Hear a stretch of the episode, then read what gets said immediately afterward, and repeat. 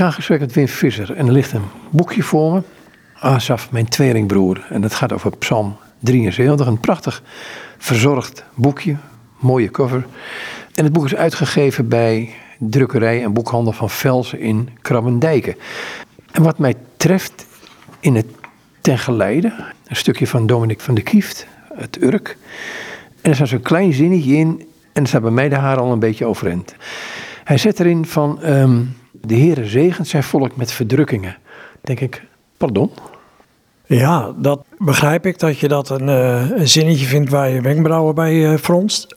Maar als ik naar mijn eigen leven kijk, dat is uh, dichterbij dan naar Psalm 73, dan denk ik de tegenspoeden, de, de verdrukkingen, de teleurstellingen in mijn leven, die hebben mij te meer laten zien hoe betrouwbaar de Heer is in zijn woord. En in alles wat hij belooft, dat is toch juist een wonder dat de Heer middels verdrukkingen je te meer aan hem verbindt. En ik denk dat dat dominee van de Kieft heeft bedoeld hè, in zijn inleidende woorden van... Ja, je kan wel altijd voorspoed willen hebben, maar voorspoed houdt ook in dat wij makkelijker God vergeten en wat makkelijker door het leven gaan en wat minder aan Hem denken. Bijna aan een, aan een huwelijk denken, zo'n tekst als in voor- en tegenspoed, hè? Wat, wat je je vrouw belooft. Dat is natuurlijk, heeft die tweedeling ook in zich. Ja, precies. Wij, wij zijn geneigd om inderdaad God ter verantwoording te roepen als er tegenslagen in ons leven komen. Maar waarom? God is zo goed en hij zendt ons ook verdrukkingen. Soms laat hij ze ook toe in ons leven. Waarom? Ja, vroeger zeiden ze altijd met zo'n klok, hè, net als wij hier eh, in de kamer hebben staan. Er moet gewicht aan de klok hangen, anders loopt hij niet. Er is ook wel gewicht aan onze klok nodig. En dan, dan worden we te meer gedrongen om op God te zien. En alleen op Hem te vertrouwen en niet meer op mensen. Dus je, je liefde tot Hem wordt ook intenser. Begrijp je wat ik bedoel? Je mag het iets verder uitleggen.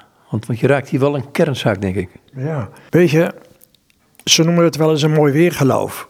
Hè? Van, uh, nou ja, laat ik maar zeggen, God is bij je, God is je helper en hij helpt je om uh, door het leven te gaan en uh, hij laat jou succes en carrière maken. Hij, laat, uh, hij geeft je zoveel goeds, hij is zo goed voor je.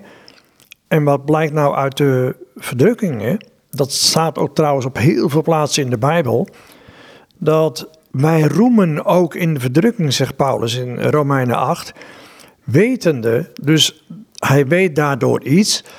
Ja, dat God te vertrouwen is. Dat God betrouwbaar is. Dat, dat God, mag het zeggen, in het diepste donkere gat waarin je als mens terecht kan komen, altijd nog een meter dieper is gekomen. Om daaronder je weer op te tillen uit dat uh, gat, uit dat donkere gat en uit die moedeloze put. Dus God laat daarin zien, ik ben zo door en door betrouwbaar, ik ben de Heere uw God. Dat wil hij zijn voor al zijn kinderen, in welke omstandigheden ook. Maar we moeten geen mooi weer geloven hebben dat God alleen maar onze God is als het mooi weer is. Nee, ook als slecht weer is. Ook als er tegenslagen komen, ook als er verdrukking komt. En dan wil God ons louteren. Ik vind dat altijd een prachtig beeld. Die, die goudsmit die gooit een vieze vuile klomp in, in zijn vat.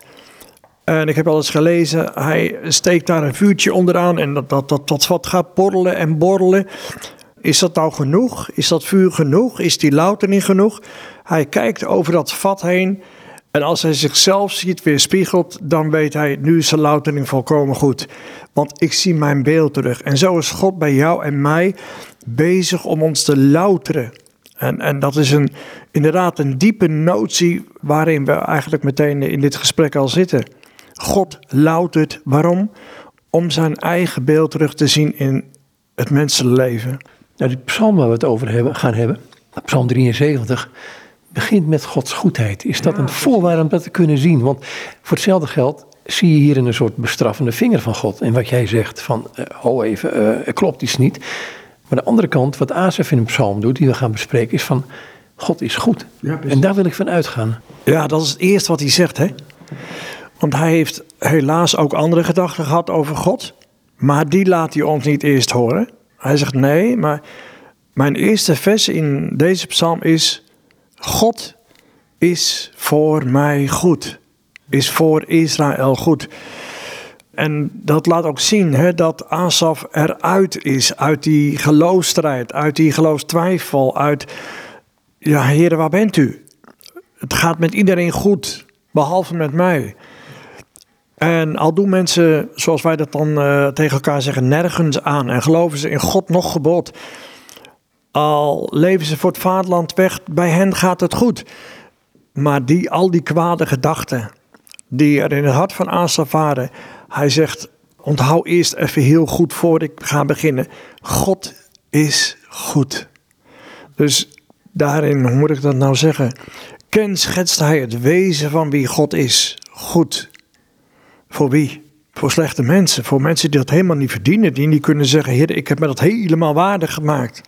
Nee, God is goed. Ook voor zo iemand als Asaf. Die tegen hem opgestaan is. En die tegen hem gemopperd heeft. En nou ja, noemt u alles maar op. Ik, ik denk dat het Asafs grote verlangen is om in zijn psalm ook goed van de Heer te spreken. Daarna gaat hij iets vertellen over zijn uitgeleide, over zijn boze, verkeerde gedachten. Maar hij eindigt weer hoe God hem daaruit gehaald heeft. En dan, ja, dan is het een en al juichenstof uh, wat er overblijft. aan het eind van deze psalm 73. Toch is het vreemd dat hè, als, je, als die dingen zo zegt, uh, ook, ook over het verdriet, het leed waar we in kunnen zitten en laat ik het anders vragen. Hoe kom je aan zo'n positief beeld van God? Want dat is natuurlijk de, de hamvraag die hier onderschuilt. Hoe kom je erbij dat God goed is? En hoe kom je erbij dat God met een soort welwillendheid naar jou kijkt? ik zou haast zeggen dat dat is ondervinding. Want dat kun je lezen in de Bijbel. Maar je kunt het ook bevinden, om het zo maar te zeggen. Ik denk dat, dat iedereen die daar iets van weet, daar ook mee instemt en dat van harte van het wezen van God is goed. Ben bijna te arm om dat onder woorden te vangen, maar, maar laat ik zeggen, de diepste kern van wie God is, is het goed zijn van God. God goed. Dat moet je heel dicht bij elkaar houden. Als de Heer zichzelf ook gaat openbaren aan Mozes, hè, dat zie je in Exodus 3 of 34, dan mag Mozes de achterste delen van de Heer zien, hè, want hij kan de heiligheid van God niet, niet, niet zien. Maar de Heer die zegt daarbij wie hij is. En hij zegt, ik ben warmhartig, goed. Ik ben groot van goede tierenheid. Ik, het diepste kern van mijn zijn is goedheid. En ik las zo mooi ergens een tijdje geleden in een boek dat die goedheid van God is als het ware overstromend. Het is net een fontein.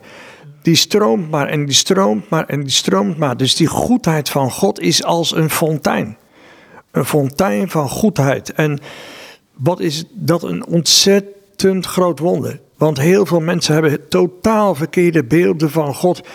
En maken hem meer als een tiran dan als een goede God heel veel mensen blijken een totaal verkeerd godsbeeld te hebben. En Asaf die, die schuift dat weer naar dat bijbelse midden en die zegt, ja maar dat is niet waar. God is immers zo goed. Kunnen psalm lezen en dan kunnen we er verder gewoon stukken uithalen. Want je hebt er een boek over geschreven.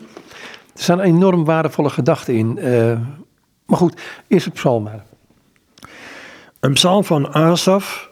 Immers is God Israël goed, degene die rein van hart zijn. Uh, daar begint hij met dat goede? Maar dan gaat hij vertellen. Maar mij aangaande, mijn voeten waren bijna uitgeweken, mijn treden waren bijkans uitgeschoten. Want ik was nijdig op de dwaze, ziende de goddeloze vrede. Want er zijn geen banden tot hun dood toe, en hun kracht is fris. Zij zijn niet in de moeite als andere mensen en worden met andere mensen niet geplaagd. Daarom omringt hen de overdij als een keten. Het geweld bedekt hen als een gewaad. Hun ogen puilen uit van vet. Ze gaan de inbeeldingen des harten te boven. Ze mergelen de lieden uit en spreken boostelijk van verdrukking. Zij spreken uit de hoogte. Ze zetten hun mond tegen de hemel en een tong wandelt op de aarde. Daarom keert zich zijn volk hiertoe. Als hun wateren van een volle beker worden uitgedrukt, dat zij zeggen: hoe zou het God weten? En zou er wetenschap zijn bij de Allerhoogste? Zie, deze zijn goddeloos. Nochtans hebben zij rust in de wereld. Zij vermenigvuldigen het vermogen. Immers heb ik tevergeefs mijn hart gezuiverd en mijn handen in onschuld gewassen, terwijl ik de ganse dag geplaagd ben en mijn straffing is er alle morgens. Indien ik zou zeggen, ik zal ook al zo spreken, zie zo zou ik trouwloos zijn aan het geslacht uw kinderen. Nochtans heb ik gedacht om dit te mogen verstaan, maar het was moeite in mijn ogen, totdat ik in Gods heiligdommen inging en op hun einde merkte. Immers zet gij hen op gladde plaatsen. Gij doet hen vallen in verwoestingen. Hoe worden zij als in een ogenblik tot verwoesting? Neem een einde. Wordt het er niet van verschrikkingen? Als een droom na het ontwaken. Als gij opwaakt, o Heere, dan zult gij hun beeld verachten. Als mijn hart opgezwollen was en ik in mijn nieren geprikkeld werd, toen was ik onvernuftig en wist niets. Ik was een groot beest bij u. Ik zal dan gedurig bij u zijn. Gij hebt mijn rechterhand gevat. Gij zult mij leiden door uw raad, en daarna zult ge mij in heerlijkheid opnemen. Wie heb ik nevens u in de hemel? Nevens u lust mij ook niets op de aarde. Bezwijkt mijn vlees en mijn hart, zo is God de rotsteen mijns harten en mijn deel in eeuwigheid. Want zie, die verre van u zijn, zullen vergaan. Gij roeit uit al wie van u afhoereert. Maar mij aangaande, het is mij goed nabij God te zijn. Ik zet mijn vertrouwen op de Heere, Heere, om al uw werken te vertellen. Spreekt hij nou ook angst uit zo'n psalm? Nee, geloof ik niet. Nee. Je ziet aan, aan, aan het begin hoe Asaf mag roemen in de goedheid van God. Dan vertelt hij hoe het bij hem zelf heeft gestormd en welke gedachten allemaal in hem om zijn gegaan. En hij eindigt weer in dat vertrouwen, maar u hebt mijn rechterhand gepakt, u leidt mij en straks zal ik voor eeuwig bij u zijn. Dus ik zie daar geen angst in. In het boekje, ehm, ik ga naar hoofdstuk 3 van het boekje hoor, ehm, daar staat boven Asaf laat zien wie hij is. En er staat zo'n prachtig zinnetje van een godvrezende oude man uit Nunspeet, die jou ooit een keer zei van alle ellende vertel ik aan God, aan de mensen vertel ik hoe goed dat God is. Is dat de uitnodiging die je hebt? Ja, zeker. Zeker. Deze man, die, die bezocht ik inderdaad. Was echt een, eh, een oude Rotterdammer en die had zijn hart op zijn tong. Maar hij vertelde altijd goed van de Heer. Altijd. En als ik hem dan vroeg, maar ja, meneer Roepman, als u nou altijd maar zo goed van de Heer spreekt, is het dan nooit anders bij u? En toen moest hij altijd lachen en dan zei hij, ja, maar dat vertel ik aan hem in mijn binnenkamer. Tegen jou vertel ik alleen maar dat God goed is. En, zei hij dan, onthouden hè, moet jij ook doen, zei hij dan altijd. Jochie, zei hij dan op zijn eh, Rotterdamse zo bij. En ik heb dat altijd meegenomen. Van je, je bent niet altijd hoog gestemd, hè. Maar dan is het nog jouw taak om goed van de Heer te spreken en niet slecht. Dus hoe hopeloos het van binnen ook kan zijn, toch proberen goed van de Heer te spreken, een goed woord van Hem. Naar een mens in de straat, bij de bushalte, in de trein of waar dan ook. Ik ga nog een keer terug naar wat je in het begin zei over verdrukking. Dat het erbij hoort, zoals de gewichten van een klok, om het maar zo te zeggen. Er is een boekje verschenen van een Koreaans-Duits filosoof. En het heet die palliatief Gesellschaft. Dus we leven in een maatschappij waar alles gesedeerd lijkt te moeten worden. Waar het lijden niet echt die plaats meer heeft. Terwijl er genoeg lijden om ons heen is in de wereld. Ik bedoel, waar, waar nauwelijks een antwoord op te geven is. Maar dat, dat aspect, daar kun je enorm door afgeleid worden. En als ik naar Asaf kijk, had hij ook de neiging zijn ogen te volgen op een gegeven moment. Jazeker. Asaf die ging kijken, als ik het maar heel eenvoudig mag zeggen, naar zijn buren bij wie het alleen maar voor de wind ging. En er zijn perioden in je leven dat je dat uh, mee ervaart. ik, ik, herinner mij dat wij uh, buren kregen, nieuwe buren. Nou, dan volgt er een kennismakingsavond en je praat wat met elkaar. En uh, op een gegeven moment zeiden ze, nou ja, we zijn nu getrouwd en zijn jullie buren geworden. En over vier jaar nemen wij ons eerste kind. En ons huwelijk was kinderloos gebleven. We hadden onderzoeken gehad in het ziekenhuis in Utrecht. En ja, daar bleek uh, al spoedig uit van... Ja, menselijkerwijs gesproken kunnen jullie geen kinderen ontvangen. Dan zit je op visite bij mensen die zeggen... wij nemen over vier jaar een kind.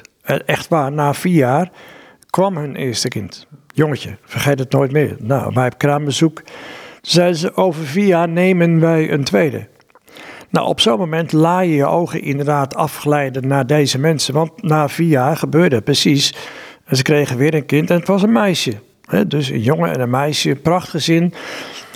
En wat kun je dan jaloers worden, Joop? Wat kun je dan jaloers worden op de mensen die naast jou wonen? Dus dat zijn echt je buren. En dat deed Asaf ook. Die zegt, deze mensen doen nergens aan. Ze zien er goed uit, ze, zelfs vet, zegt hij. Hè? Hun, hun ogen puilen uit van vet. Ja, en, en, vaak doen ze ook nog het goede. Ja, ze doen ook nog hele goede dingen, ook helemaal niks mis mee. Maar bij jou ervaar je dan de andere kant van het leven, van het niet verhoord worden van je gebed. Want wij zagen heel erg uit naar kinderen, want we houden allebei van kinderen.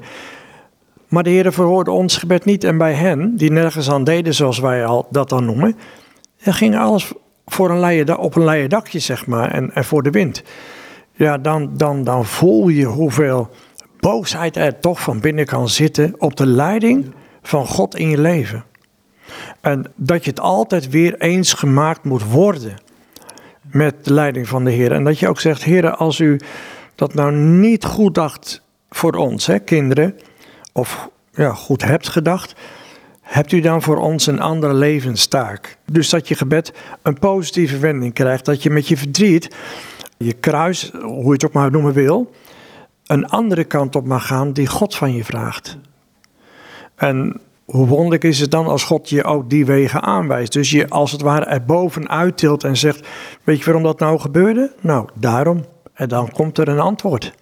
Maar zelfs als je dat antwoord niet zou krijgen, um, dan wil ik nog ergens anders heen gaan, die ook in dit, dit antwoord besloten ligt, maar ook in het boekje besloten ligt. Die relatie die je met hem aangaat, hebben we het net over man en vrouw gehad. Het is een liefdesrelatie. Kan het zijn? Hoe onderhoud je die dan? Want dat, dat, is eigenlijk, dat gaat eigenlijk nog verder dan datgene wat in deze schepping zit natuurlijk.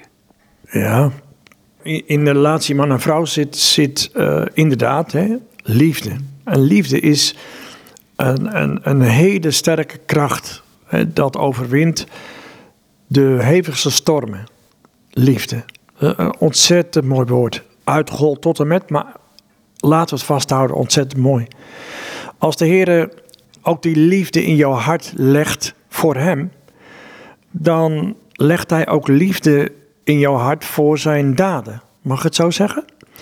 Dat kan er wel strijden, het kan wel schuren, het kan wel pijn doen. Dat je zegt, Heer, waarom nou deze kant op? Terwijl ik de andere kant eigenlijk veel fijner had gevonden. Maar uiteindelijk vind je toch rust in de leiding ook van God omdat je weet, God is goed. Het laatste jaar van mijn leven kan ik heel erg veel kracht hebben uit een uh, opmerking van Maarten Luther. Die zei, ik begrijp God niet in alles. Zegt hij erachter zo mooi, maar ik vertrouw hem wel. En dat is, vind ik zo mooi. Ik begrijp God ook niet in alles, Joop. Ik begrijp God niet in alles wat er gebeurt nu in 2024. Ik begrijp God niet in het wereldgebeuren, in, in wat er in Nederland gebeurt, maar ook niet in mijn persoonlijk leven. Er zijn zoveel vragen. Maar dan te zeggen, ik vertrouw Hem, dat, zit, dat komt weer voort uit die basis liefde. Want naast liefde is een andere pijler ook vertrouwen. Liefde geeft vertrouwen en liefde onderhoudt ook dat vertrouwen. En Kun je dan ooit zeggen met God beschaamd uitgekomen te zijn? Nee, nee, echt nooit. Dat, dat zou ik niet durven zeggen. Met God ben ik nooit in mijn leven beschaamd uitgekomen. Nog niet één keer. Ben ik het dan altijd met God eens geweest? Heb ik hem altijd begrepen? Nou, ik zei het net al. Nee, nee. Maar sommige dingen hoef ik ook niet te weten. Weet hij het. En omdat hij het weet, is het ook goed. Ja, bescheidenheid is een deugd die we vergeten lijken te zijn, hè? Ja, misschien wel, ja. Ze zeiden vroeger toch ook altijd, eh, lees je heel veel van de Puritijnen, ik las vanmorgen nog. De grootste gave die de Heer geeft is ootmoed. En het tweede is ootmoed. En het derde is ook ootmoed. Dat is een heel bekende uitspraak. Maar hij is ook zo waar. Ootmoed Dat betekent dat ik eh, in alle bescheidenheid mijn weg ga. En probeer mijn weg te wandelen zoals de Heer wil dat ik hem wandel. En dat ik voor mijn naaste ook een betrouwbaar, integer, respectvol iemand ben. Die iemand niet wegzet omdat hij anders is, maar met hem in gesprek wil zijn. En in gesprek wil gaan. En dat vind ik nog, ja, dat is een mooie herinnering. Afgelopen zaterdagavond waren wij in het ziekenhuis in Zwolle, in Zala. Want daar was ons zevende kleinkindje geboren in het ziekenhuis. En, uh, dus toch kinderen? Ja, zeker. Wij hebben drie uh, kinderen geadopteerd. En uh, onze jongste die had zijn vierde kindje gekregen. En ja, wij gingen als trotse opa en oma natuurlijk naar het ziekenhuis. We gingen weer terug en liep een man bij ons in de lift. ik dacht al, hé, hey, jij bent een buitenlander. En ik zei, bent u ook vader geworden? Zei hij, nee, uh, wat in gebrekkig Nederlands. Uh, zorgen, veel zorgen, zei hij. Aha, nou de lift was inmiddels beneden aangekomen, maar we gingen even verder. En uh, hij bleek een, een, in verwachting te zijn met zijn vrouw samen van een tweeling. En een van de tweelingen was, was zorgelijk. En dus er waren heel veel zorgen. En toen kreeg ik ook, ik zei nou, dat is heel verdrietig. Nee, zei hij, mag je niet zeggen. Allah die zegt, je mag niet verdrietig zijn. Je moet altijd zeggen, wat Allah doet, wat God doet, dat is goed. Ja, ik zei, maar dan is, dat is een beetje het verschil tussen jou en mijn God. Hè? Bij mijn God mag je ook verdriet hebben. En mag je ook laten zien wie jij bent. Dat je verdrietig bent en dat je teleurgesteld bent en dat je zorg hebt. Nou, dat vond ik eigenlijk zo'n mooi verhaal. Want ik kreeg zo een spontaan gesprek over wie is nou God? God is, is ook een God die zeker je bescheiden maakt. Maar je mag wel alles tegen hem vertellen. Ik vind dat zo'n mooie tekst uit de Bijbel ook. Hè? Van, van, leg heel je hart en je wandel maar voor de Heer bloot. Vertel alles wat in je hart omgaat, ook je vragen en je twijfels. En daar staat Asaf 73 vol van. Ja, hij heeft het op een gegeven moment over. Um, ik was nijdig op de dwazen. Dus, en dan denk ik wel eens. Um, wij gaan soms een beetje te fatsoenlijk met God om. Het moet allemaal nette woorden zijn. Terwijl ik lees bij Asaf, maar ook bij Job bijvoorbeeld. Nou, dat ligt er niet om. Nee. En God kan wel tegen een stootje, heb ik het idee dan. Ja, zeker. Je ziet ook dat um, en bij Job en bij Asaf ze allebei hun vuisten als het ware wel omhoog doen tegen God. Hè? En hun vertwijfelingen, hun vragen ook uitroepen. En ik ben daar diep van overtuigd dat de Heer dat niet verkeerd vindt. Ja, waar zie je dat dan bijvoorbeeld? Nou, je ziet dat bij Asaf. Hè? In deze psalm zie je geen verwijt van God richting Asaf. In de boek Job zie je geen verwijt richting Job. Nee, zelfs zegt hij in hoofdstuk 42, meen ik. Job, jij hebt recht van mij gesproken. Recht van mij gesproken. En hij moet een offer gaan brengen voor zijn vrienden die het allemaal zo goed wisten en God van A tot Z na konden rekenen. Ook Jobs zonde durfde aanwijzen terwijl ze er niet eens concreet waren. Dus dat waren mensen, eh, laat ik maar zeggen, in de fariseïstische gestalte, die zo heel goed wisten wie God was en wie Job was en wat er allemaal aan mankeerde. En God heeft Job ook zijn geboortedag horen vervloeken. Heeft hem ook al die vragen horen stellen en dan gaat God hem toch antwoord geven. Op een manier die zo mooi is, zo goddelijk is. Want dan gaat God alleen maar zeggen, waar was jij Job toen ik de Orion en zeven gesternte maakte en waar was jij toen? Nou, dan gaat de Heer allemaal vragen stellen uit de schepping. Dus dat was God antwoord. En ik heb eens een keer ergens zo heel erg mooi gelezen, dat was tegelijkertijd een handwoord. Want dan zegt Job in 42, ik leg mijn hand op mijn mond. Mooi hè? Niet een antwoord, maar een handwoord. Ik leg mijn hand op mijn mond. Dus dan hoeven wij God niet in alles te begrijpen, toch? Maar is Hij te vertrouwen? Maar, maar, maar het is wel begrijpelijk wat die vrienden doen. De gedachte die bij mij opkomt is dan van, is het niet zo als er lijden is? En wat we tegenkomen, dat we er een reden voor proberen te zoeken. Of we proberen een bepaalde theologie omheen te spinnen. En, en niet in die relatie terug durven gaan naar God om meteen van, hé, hey, wat, wat is dit? Ja, misschien is dat wel een van de, de grote valkuilen in ons leven. Want de Heer neemt het daar nergens voor op. Door wat, wat zeggen de vrienden van Job? Ze zeggen, zeg het maar Job, jij hebt een verborgen grote zonde gedaan en daarom straft de Heer je. De discipelen in Johannes 9, die zeggen, heeft deze gezondigd of zijn ouders? En dan zegt de Heer, dat, dat is helemaal de vraag niet.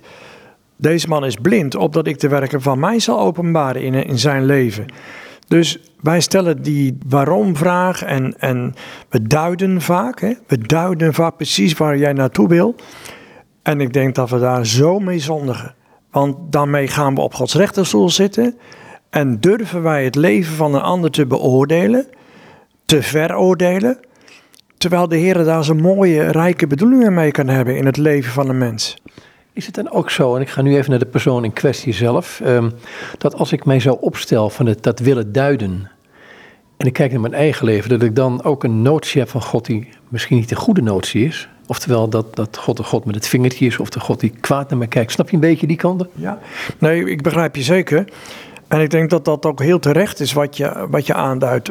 Als wij met ons denken, hè, God beoordelen, dan maken wij verkeerde conclusies. Ik meen dat Calvijn het is die zegt: ons verstand is een fabriek waar de afgoden worden gemaakt. Dus onze godsbeelden van de Heer die zijn zo verkeerd. Wat jij net zei, wij uh, durven uh, de Heer te zeggen, hij is een God met een opgestoken vingertje. Hij is de strenge God, hij is de tyrannieke God, hij is de noodlotsgod. Het is de God van de laatste hulp bij ongelukken. Als ik echt niks anders meer kan, dan is God er nog. Hij is, nou ja, als je buurman. Nou, ik, ik kan dat uitbreiden tot en met allemaal verkeerde beelden van God scheppen. Die niet overeenkomen met het beeld wat God zelf in zijn woord over hem schetst. Maar onder zo'n nepbeeld, als ik het zo mag zeggen, kun je behoorlijk gebukt gaan. Zeker. En, en voordat je dan komt tot, ehm, want zeker als je in, in, in moeilijke tijden gaat, van depressie of noem het op, dan, dan kan het behoorlijk zwart zijn. En ik denk, ja, hoe kom je er onderuit voordat je weer die, die, ja, het gelaat van God ziet? Ja, ik kom nogal wat mensen tegen eh, die het uitspreken dat ze in hun jeugd een totaal verkeerd beeld van God hebben gekregen. En dat werkt soms jaren, jaren, jaren na. Op een avond van de Vereniging en Handreiking, die wij in oktober vorig jaar hadden, sprak ik een vrouw. Vereniging en Handreiking, wat is dat? Dat is de vereniging die uh, voor lotgenoten van psychisch zieken haar werk doet. En we hadden een avond over narcisme. En toen sprak ik in de pauze een vrouw die eh, denk ik zo een jaar of zestig is.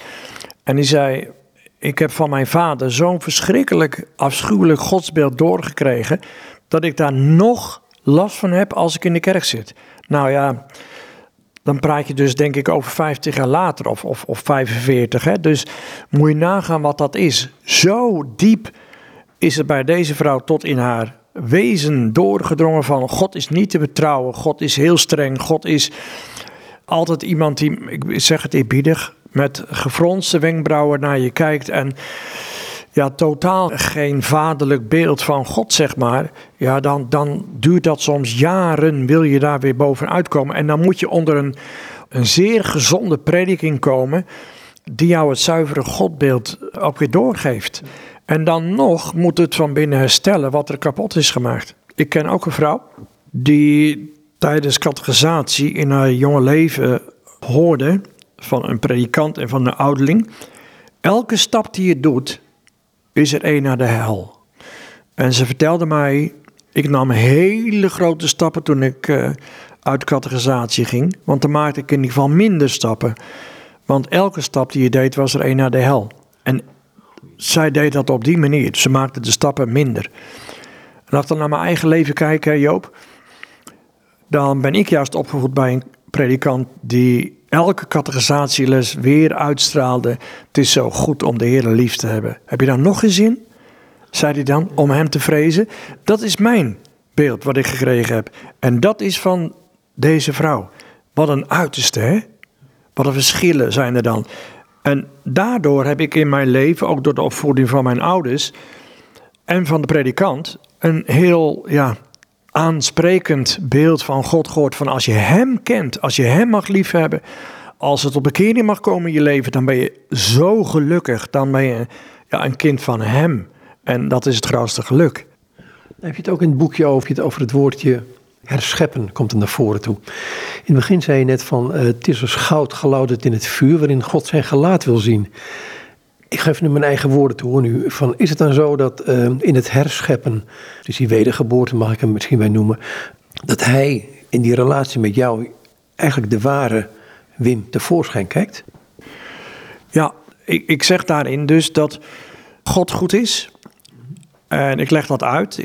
God is in zijn schepping natuurlijk buitengewoon goed. Hè. Hij heeft neergezien ook op zijn schepping. En dan zegt hij ook, het is goed. En aan het eind zegt hij zelfs, het is zeer goed.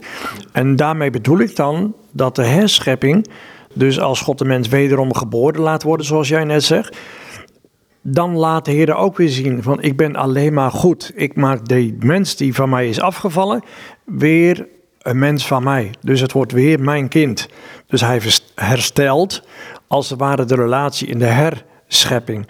Nou, ze zeggen wel eens, ja, in de schepping was er niks wat God tegenwerkte. In de herschepping ontmoet God eigenlijk mensen die hem een en al tegenwerken. En daarom is de herschepping een nog groter wonder. Dat wordt wel eens gezegd. Maar dat is even buiten het besef van dit uh, interview. Nou ja, je kunt er wat bij zeggen dat mensen dus ergens ongeneeslijk niet naar God toe willen eigenlijk. Ja, precies. Ja, precies.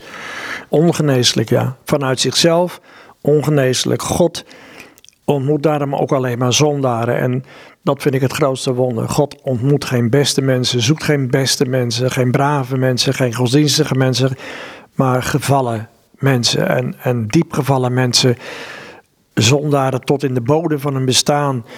En hij wil daar met hen een, een, een, nieuw leven beginnen. En dat, dat is, ja, dat raakt mij heel diep, wat ik nu ook zeg. Want dat is een tekst in mijn leven die heel uh, erg gesproken heeft uit Efeze 2.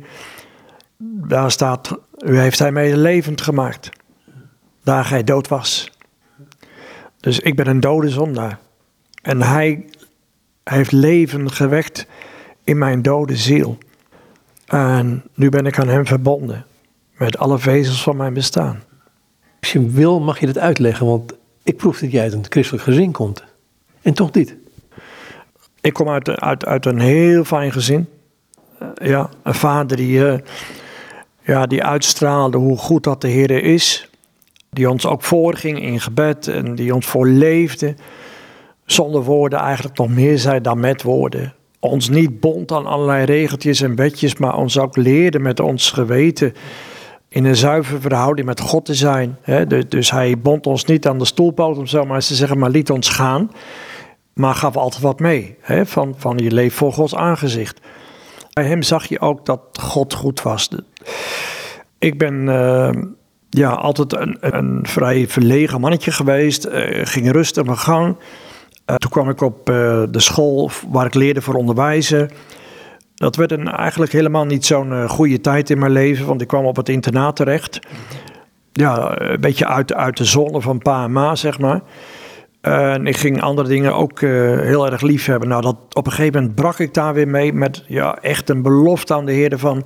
Heer, ik wil dit niet meer, want, nou, voetbal werd alles in mijn leven. En Ajax was de beste en Cruijff nog beter. Dat was mijn leven. En toen heb ik aan de Heer beloofd: Heer, dit is de laatste keer dat ik op voetbalveld sta en ga. Wat een wonder is het dat, dat dat ook gelukt is. Maar toen werd ik een, ik hoop dat hij me begrijpt, maar toen werd ik een beetje een vrome jongeling. Mhm. Iedereen had het over mij en uh, iedereen zei: joh, eh, moet je geen dominee worden en uh, moet je niet dit en moet je niet dat. En toen dacht ik, en, ja, nou, je, ging een beetje in mezelf geloven als het ware. En toen was ik de geschiedenis ken je van de rijke jongeling. Toen was ik denk ik echt een voorbeeld van de rijke jongeling. Door iedereen geprezen, maar niet echt helemaal levend vanuit de liefde met God. En toen heeft God me van die hoge ladder die ik zelf had opgebouwd, echt af laten vallen. En toen ben ik als een verloren zondaar aan zijn voeten terechtgekomen. En toen kwam Efeze 2. En dat is dan zo'n groot wonder, dat je met al je brokstukken van je leven daar aan Gods, Gods voeten ligt. En dat God wil weten, dat staat in vers 4, maar God die rijk is in barmhartigheid. Door zijn grote liefde waarmee hij ons lief gehad heeft. Nou dat hè, dat, dat heeft toen mijn hart ingewonnen en dat heeft hij uh, volgehouden tot op vandaag. Woont in een hart vol scherven. Ja precies, aan mijn kant wel. Ja. In de psalm gaat, um, komt er ook een hoofdstuk in voor. Ik denk dat we het hele boekje niet kunnen behandelen trouwens, de hele psalm ook niet, maar um, we dwalen ook lekker af af en toe. Gaat het over de zonde van de tong in wezen. die vreselijke tong is het hoofdstukje. En daar kun je hele boek over schrijven natuurlijk, over rollel, achterklappen, noem het maar op. Maar dat is een wezenlijk iets wat, wat ook een hele relatie, maar ook een, een gemeenschap kapot, kapot kan maken. Daar raak je mij wel mee, want ik geloof echt uh, dat de Heer onze tong heeft gegeven om tot eer van Hem te spreken en te zingen en noem maar op, hè, te bidden. Maar als je de Jacobusbrief leest en ook hier in uh, Psalm 73 leest over de tong, dan is die tong een onbedwingelijk kwaad, hè, staat er geloof ik in de Bijbel. Dus je, je kan zoveel kapot maken met je tong. En ik denk dat dat de ziekte van deze tijd is. Misschien wel een van de ergste zonden in de reformatorische kerken. Dat wij de tong gebruiken tot krenking van onze naasten, tot oneer van God, tot partijschappen, tot kapotmaken van mensen in hun eigen identiteit. Wij houden zo ontzettend van de ander klein te maken, te vernederen. En ik vind dit een van de ergste zonden die onze kring bezit. Als je dat mag zeggen. Ik zeg het ook tussen haakjes, want het is om je te schamen het is natuurlijk vreselijk dat dat, dat kleine lid, hè, zoals Jacobus het noemt in onze mond, in staat is om mensenlevens zo te verwoesten tot op de bodem van hun bestaan. Ik las ergens, uh, het is de zonde van de, van de hel. En de machinist op deze vuuroven is de Satan. Dat is een zinnetje wat ik eens een keer gelezen heb. En ja, ik, ik eerlijk zeggen dat me dat enorm raakt. Enorm. Die tong van ons die vraagt elke dag bekering. En dan gaat het vaak niet eens zozeer om wat je nu noemt om het geroddel, maar meer ook het, het beschouwend praten over anderen of over het theologiseren misschien zelfs wel. Zeker. Wij kunnen met, met die tong, uh, we kunnen ook heel godsdienstig zondigen, dat bedoel je eigenlijk. Hè? En ik denk dat dat waar is. Hè? Doordat wij allerlei dingen zeggen die we helemaal niet uh, werkelijk menen, die we helemaal niet zo beleven, maar die heel, heel goed klinken. En daarmee kunnen we zelfs de gunst van mensen willen hebben. als ik het nou zo zeg, dan krijg ik applaus. Maar als ik het zo zeg, niet. En waar kiezen we dan voor? durven we iets te zeggen wat ook mensen niet leuk vinden, maar wel in Gods woord staat? Ja, dat luistert nou. Wat doen we dan met onze tong? Laten we dan toch hangen, om zo maar even te zeggen, naar wat mensen graag willen horen? Of durven we dingen te zeggen die God zegt en die misschien wel gefronste wenkbrauwen geeft. Moet ik aan de term liefde denken? De liefde zoekt juist, dat staat ook in de catechisme, maar dat staat ook in de, uh, heel veel plekken in de Bijbel. De liefde zoekt altijd het goede voor de ander. Hè? Dus wij moeten juist de advocaat zijn voor onze naasten. Wij moeten geen slecht gerucht van iemand voorbrengen, maar juist een goed gerucht. Dus het is altijd, wij maken er uh, iets negatiefs van, hè? maar de Heer bedoelt het positieve. Van van vertel nou eens iets goed over je naaste. En als je iets niet weet, niet zeker weet, ga het dan ook niet doorvertellen. vorige week zag ik bij iemand op het toilet nog het verhaal hangen van 3-7. Van ja, kijk of het waar is, kijk of het nuttig is dat je doorvertelt. En er is er nog één. Die weet ik nu even niet, maar dat zijn de, de drie zeven die wij voortdurend voor onze mond moeten hebben. Van waarom vertel ik dit? Het Harry Nouwen had het over het begrip zegenen. Hij zat als een wezen voor de ander goed spreken bij God. En dat is natuurlijk heel apart is dat. Vooral als het om ja, die vervelende buurman van drie huizen verderop gaat natuurlijk. Ja, precies. Ja, en dan zie je alweer, dan is liefde in oefening. Want dan heb ik mijn vijand, zegt de Bijbel zelfs, hè, de Heer Jezus zegt dat. Dan ga ik zelfs bidden voor mijn vijand en heb ik mijn vijanden ook lief. Ik denk wel eens ja, als je het nou over genadestanden mag hebben, dan is dat de hoogste genadestand als ik vertel voor mijn vijand bidden kan. En vurige kolen op zijn hoofd stapel.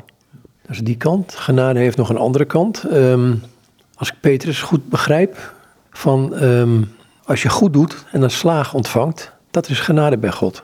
Dat vind ik een aparte. Ja, zeker. Ik, ik denk dat dat zo waar is. Hè? Die, verhalen lees jij en ik samen van de, bijvoorbeeld de vervolgde kerk. Dat mensen eh, voor officieren staan en voor uh, hoogwaardigheidsbekleders. En die hem martelen en pijnigen en van alles nog wat doen.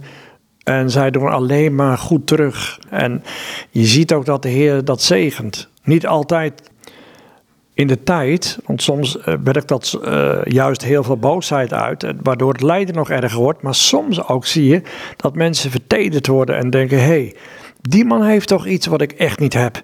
Uh, dat maakt me toch nieuwsgierig. Vertel daar nog wat meer over.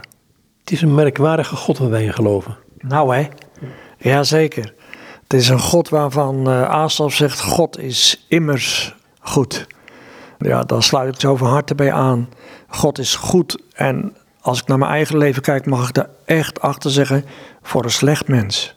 In het boekje heb je het over. Ik ga twee hoofdstukjes haal ik even bij elkaar. Eén, uh, waarom vergeet u mij? En God leidt mijn leven met een uitroepteken. Dus het een met een vraagteken, het ander met een uitroepteken. Ja, de ene dag zit je misschien meer bij het vraagteken. En de andere dag misschien, nee, zeker wel, misschien, bij het uitroepteken. Er zijn dagen dat je niet kan zien dat God je leven leidt, omdat alles alleen maar tegenslag lijkt te zijn. Er alleen maar tegenwind in je leven is. En je ziet alle zeilen scheuren en je ziet de masten overboord gaan. En je denkt, nou, mijn, mijn schip vergaat. Ja, en de andere dag zie je dat in die weg of in een andere weg het wonder van en toch leidt de Heer mij. En zal hij zorgen dat ik uiteindelijk in de haven terechtkom. Dat ik eindelijk toch thuis mag komen. Dus ja, de twee kanten zijn allebei waar in het leven van iedereen die de Heer vreest. Ja, je zet in het boekje, zet je, zet je erboven bijvoorbeeld zondag 10. Wat verstaat gij onder de voorzienigheid Gods? De Almachtige, mooi hè? En alomtegenwoordige, mooi hè? Kracht Gods, door welke hij hemel en aarde mits gaat dus alle schepselen gelijk als met zijn hand nog onderhoudt. En al zo regeert dat loof en gras, regen en droogte, vruchtbare en onvruchtbare jaren, spijze en drank, gezondheid en krankheid, rijkdom en armoede en alle dingen. Niet bij geval, niet bij het toeval, niet zomaar het noodlot, maar van zijn vaderlijke hand ons toekomt. Dus wat zie je? Ik vind de kern van, van zondag 10 van de catechismus gelijk als met zijn hand nog onderhoudt. Dus met eerbied gesproken, de Heere houdt zijn hand onder mijn leven. En hij draagt mij op zijn hand. Ja, in moeilijke tijden. In tijden van tegenspoed. In tijden van regen. Van onvruchtbare jaren. Van ziekte. Van armoede. Dus ook van die kant. Dat ligt allemaal op zijn hand. En ik vind het zo mooi. Er staat ook ergens, hij schikt dat toe. Dus met zorg deelt hij uit.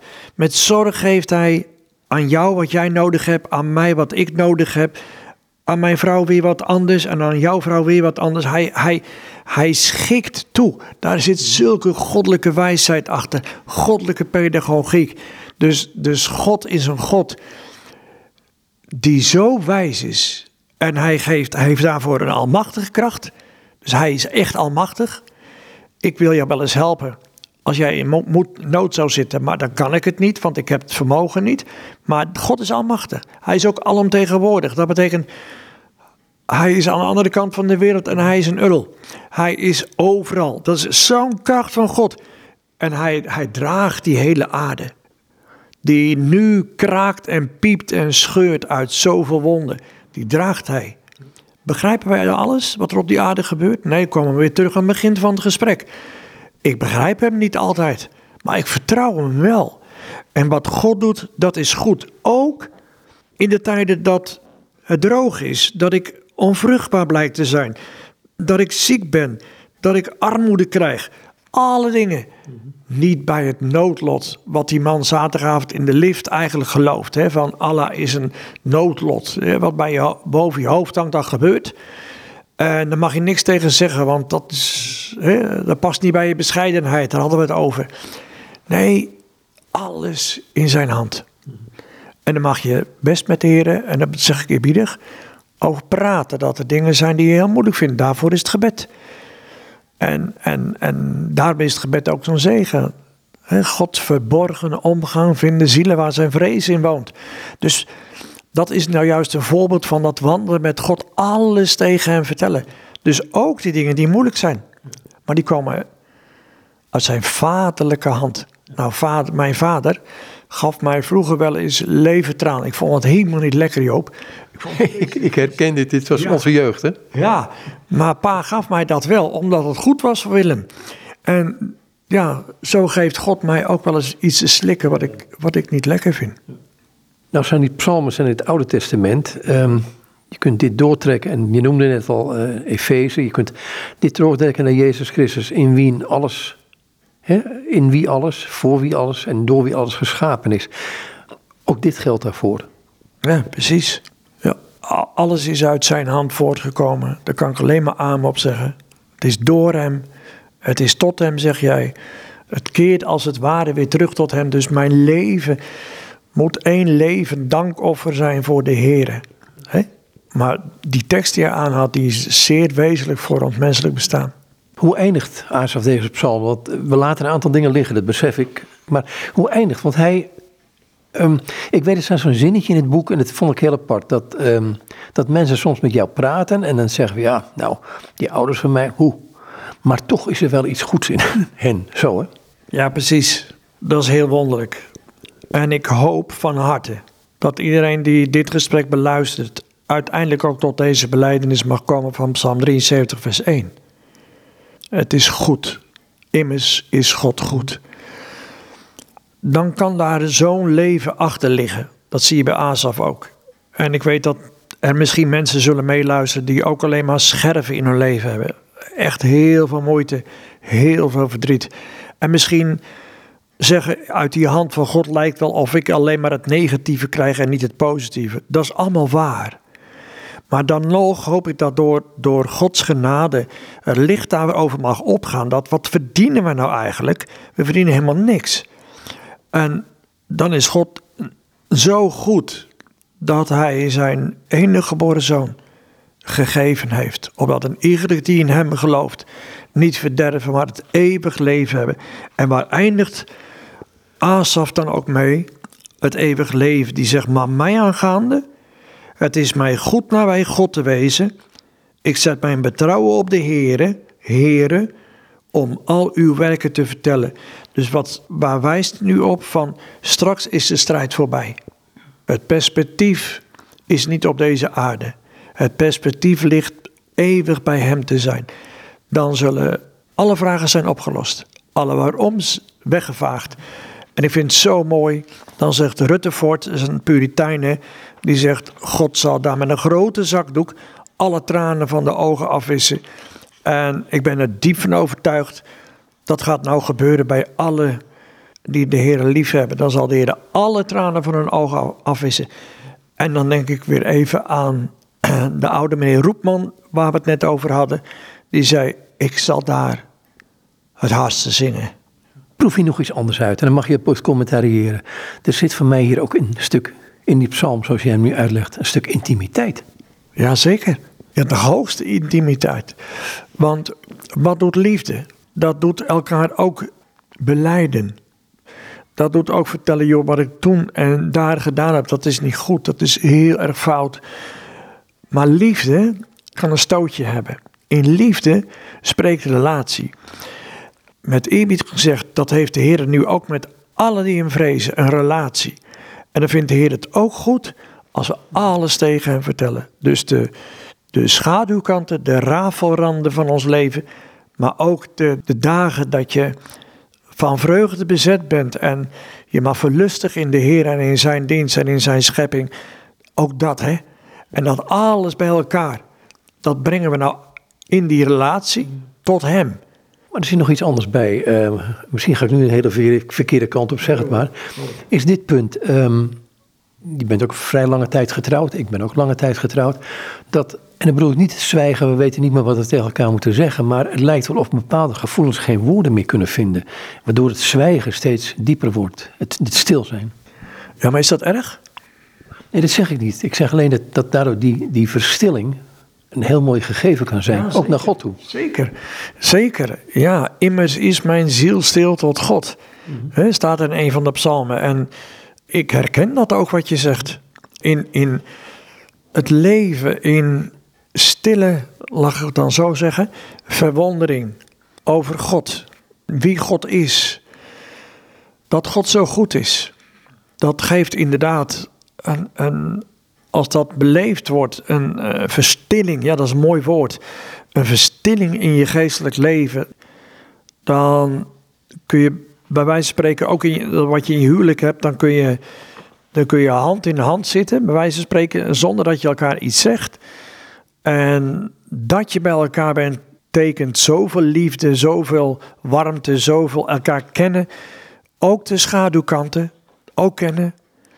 Ja, ik heb een boekje geschreven over vriendschap, waarin ik schrijf: een vriend is iemand die alles van je weet en toch van je houdt. En in Psalm 103, daar staat dat hij een vriend is die ons zijn vriendschap biedt. Dus als, als je die relatie met God mag kennen door genade, hè, door, door wedergeboorte, bekering, geloof, dan mag je alles tegen hem zeggen, maar hij weet ook echt alles van je. Tot in de diepste schuilhoeken van je hart. En dan nog zegt hij: Ik weet wie je bent. Maar je bent mijn geliefde. Je bent mijn kind. Mijn vader zei altijd: De Heer zal nooit plezier van ons krijgen. Maar hij zei: Dat wist hij van tevoren. En toch, ik heb eens een keer bij een oudvader gelezen: Als de God uit de hemel neerkijkt, hè, dan ziet hij op zijn kinderen via de doorboorde handen van de Heer Jezus. En dan ziet hij ze als volkomen heilig en volkomen rein. In Christus. En dat geeft, denk ik, hoe meer je dat beleeft, Joop, des te meer is er die verstilling van Heer, wat een wonder. Mag leven zo tot uw eer en tot eer van mijn naaste. Mag leven tot nut van mijn naaste en mag alle gaven die ik van u gekregen heb, ten nutte en ter zaligheid voor de anderen gebruiken. Dat zijn de woorden uit de catechismus over de gemeenschap der heiligen. En die zijn uit mijn hart gegrepen. Ten nutte en ter zaligheid. En dat is toch je gebed. Elke morgen weer. Van Heer, mag ik nou vandaag ten nutte en ter zaligheid van anderen leven. En andere mensen ontmoeten. Ik ken een oude zendeling, die schreef mij een e-mail een maand of wat geleden. En die zei, joh, ik ben al ver in de tachtig en ik ben nog steeds beschikbaar. Is dat het? Ja, precies, dat is de kern. Ik ben nog steeds beschikbaar. Dat betekent, ik ben er waar u mij roept en voor wie u mij roept. En ik zie daar een, een, een opdracht in om tegen iedereen die wij ontmoeten, en dat kan niet altijd heel letterlijk, maar het hart te hebben om met een ander in gesprek te gaan. Zoals ik dat voorbeeld ook gaf van zaterdagavond, dan doe ik dat bewust. Ik ga met iemand een gesprek aan niet wetend wat er allemaal uit kan komen, maar hopend dat je toch iets door mag geven van, immers is God Israël goed. In het boekje heb je, waar we het over hebben, het heet Asaf, mijn tweelingbroer. Een prachtige titel. Heb je ook een, een aantal meditaties ingezet of een aantal teksten om over te mediteren? Misschien kunnen we met deze tekst eindigen. Ja, dat is een eh, gedicht. Kent u dat? Hoe dichter ik nader aan het huis van mijn vader, hoe sterker ik hijg naar de eeuwige woning, het feest van mijn kroning en het eind van de krijg. Ik zie soms aan de kimmen mijn vaderland glimmen, maar nog is het nacht. Ik blijf echter aan het lopen, geloven en hopen geeft ijver en kracht. En wat zou mij hinderen? Ik zie de uren reeds minderen, laat werelds gedruis mijn moed niet verslappen, nog weinige stappen en dan ben ik thuis. En misschien mogen jullie, mogen jullie wel weten dat mijn vader overleed op maandag en op zaterdagavond, toen ontmoette ik hem nog. We dachten dat hij ging sterven en toen zei hij dit, gebrekkig en alstoterig, zei hij dat op. Hoe dichter ik nader bij het huis van mijn vader. Ik hoor het hem nog zeggen, hoe sterker, sterker ik hijg. Hij was bijna thuis.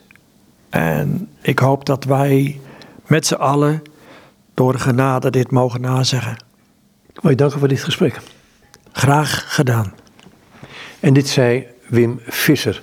En met hem was ik in gesprek op basis van het boek Asaf, mijn tweelingbroer, over Psalm 73.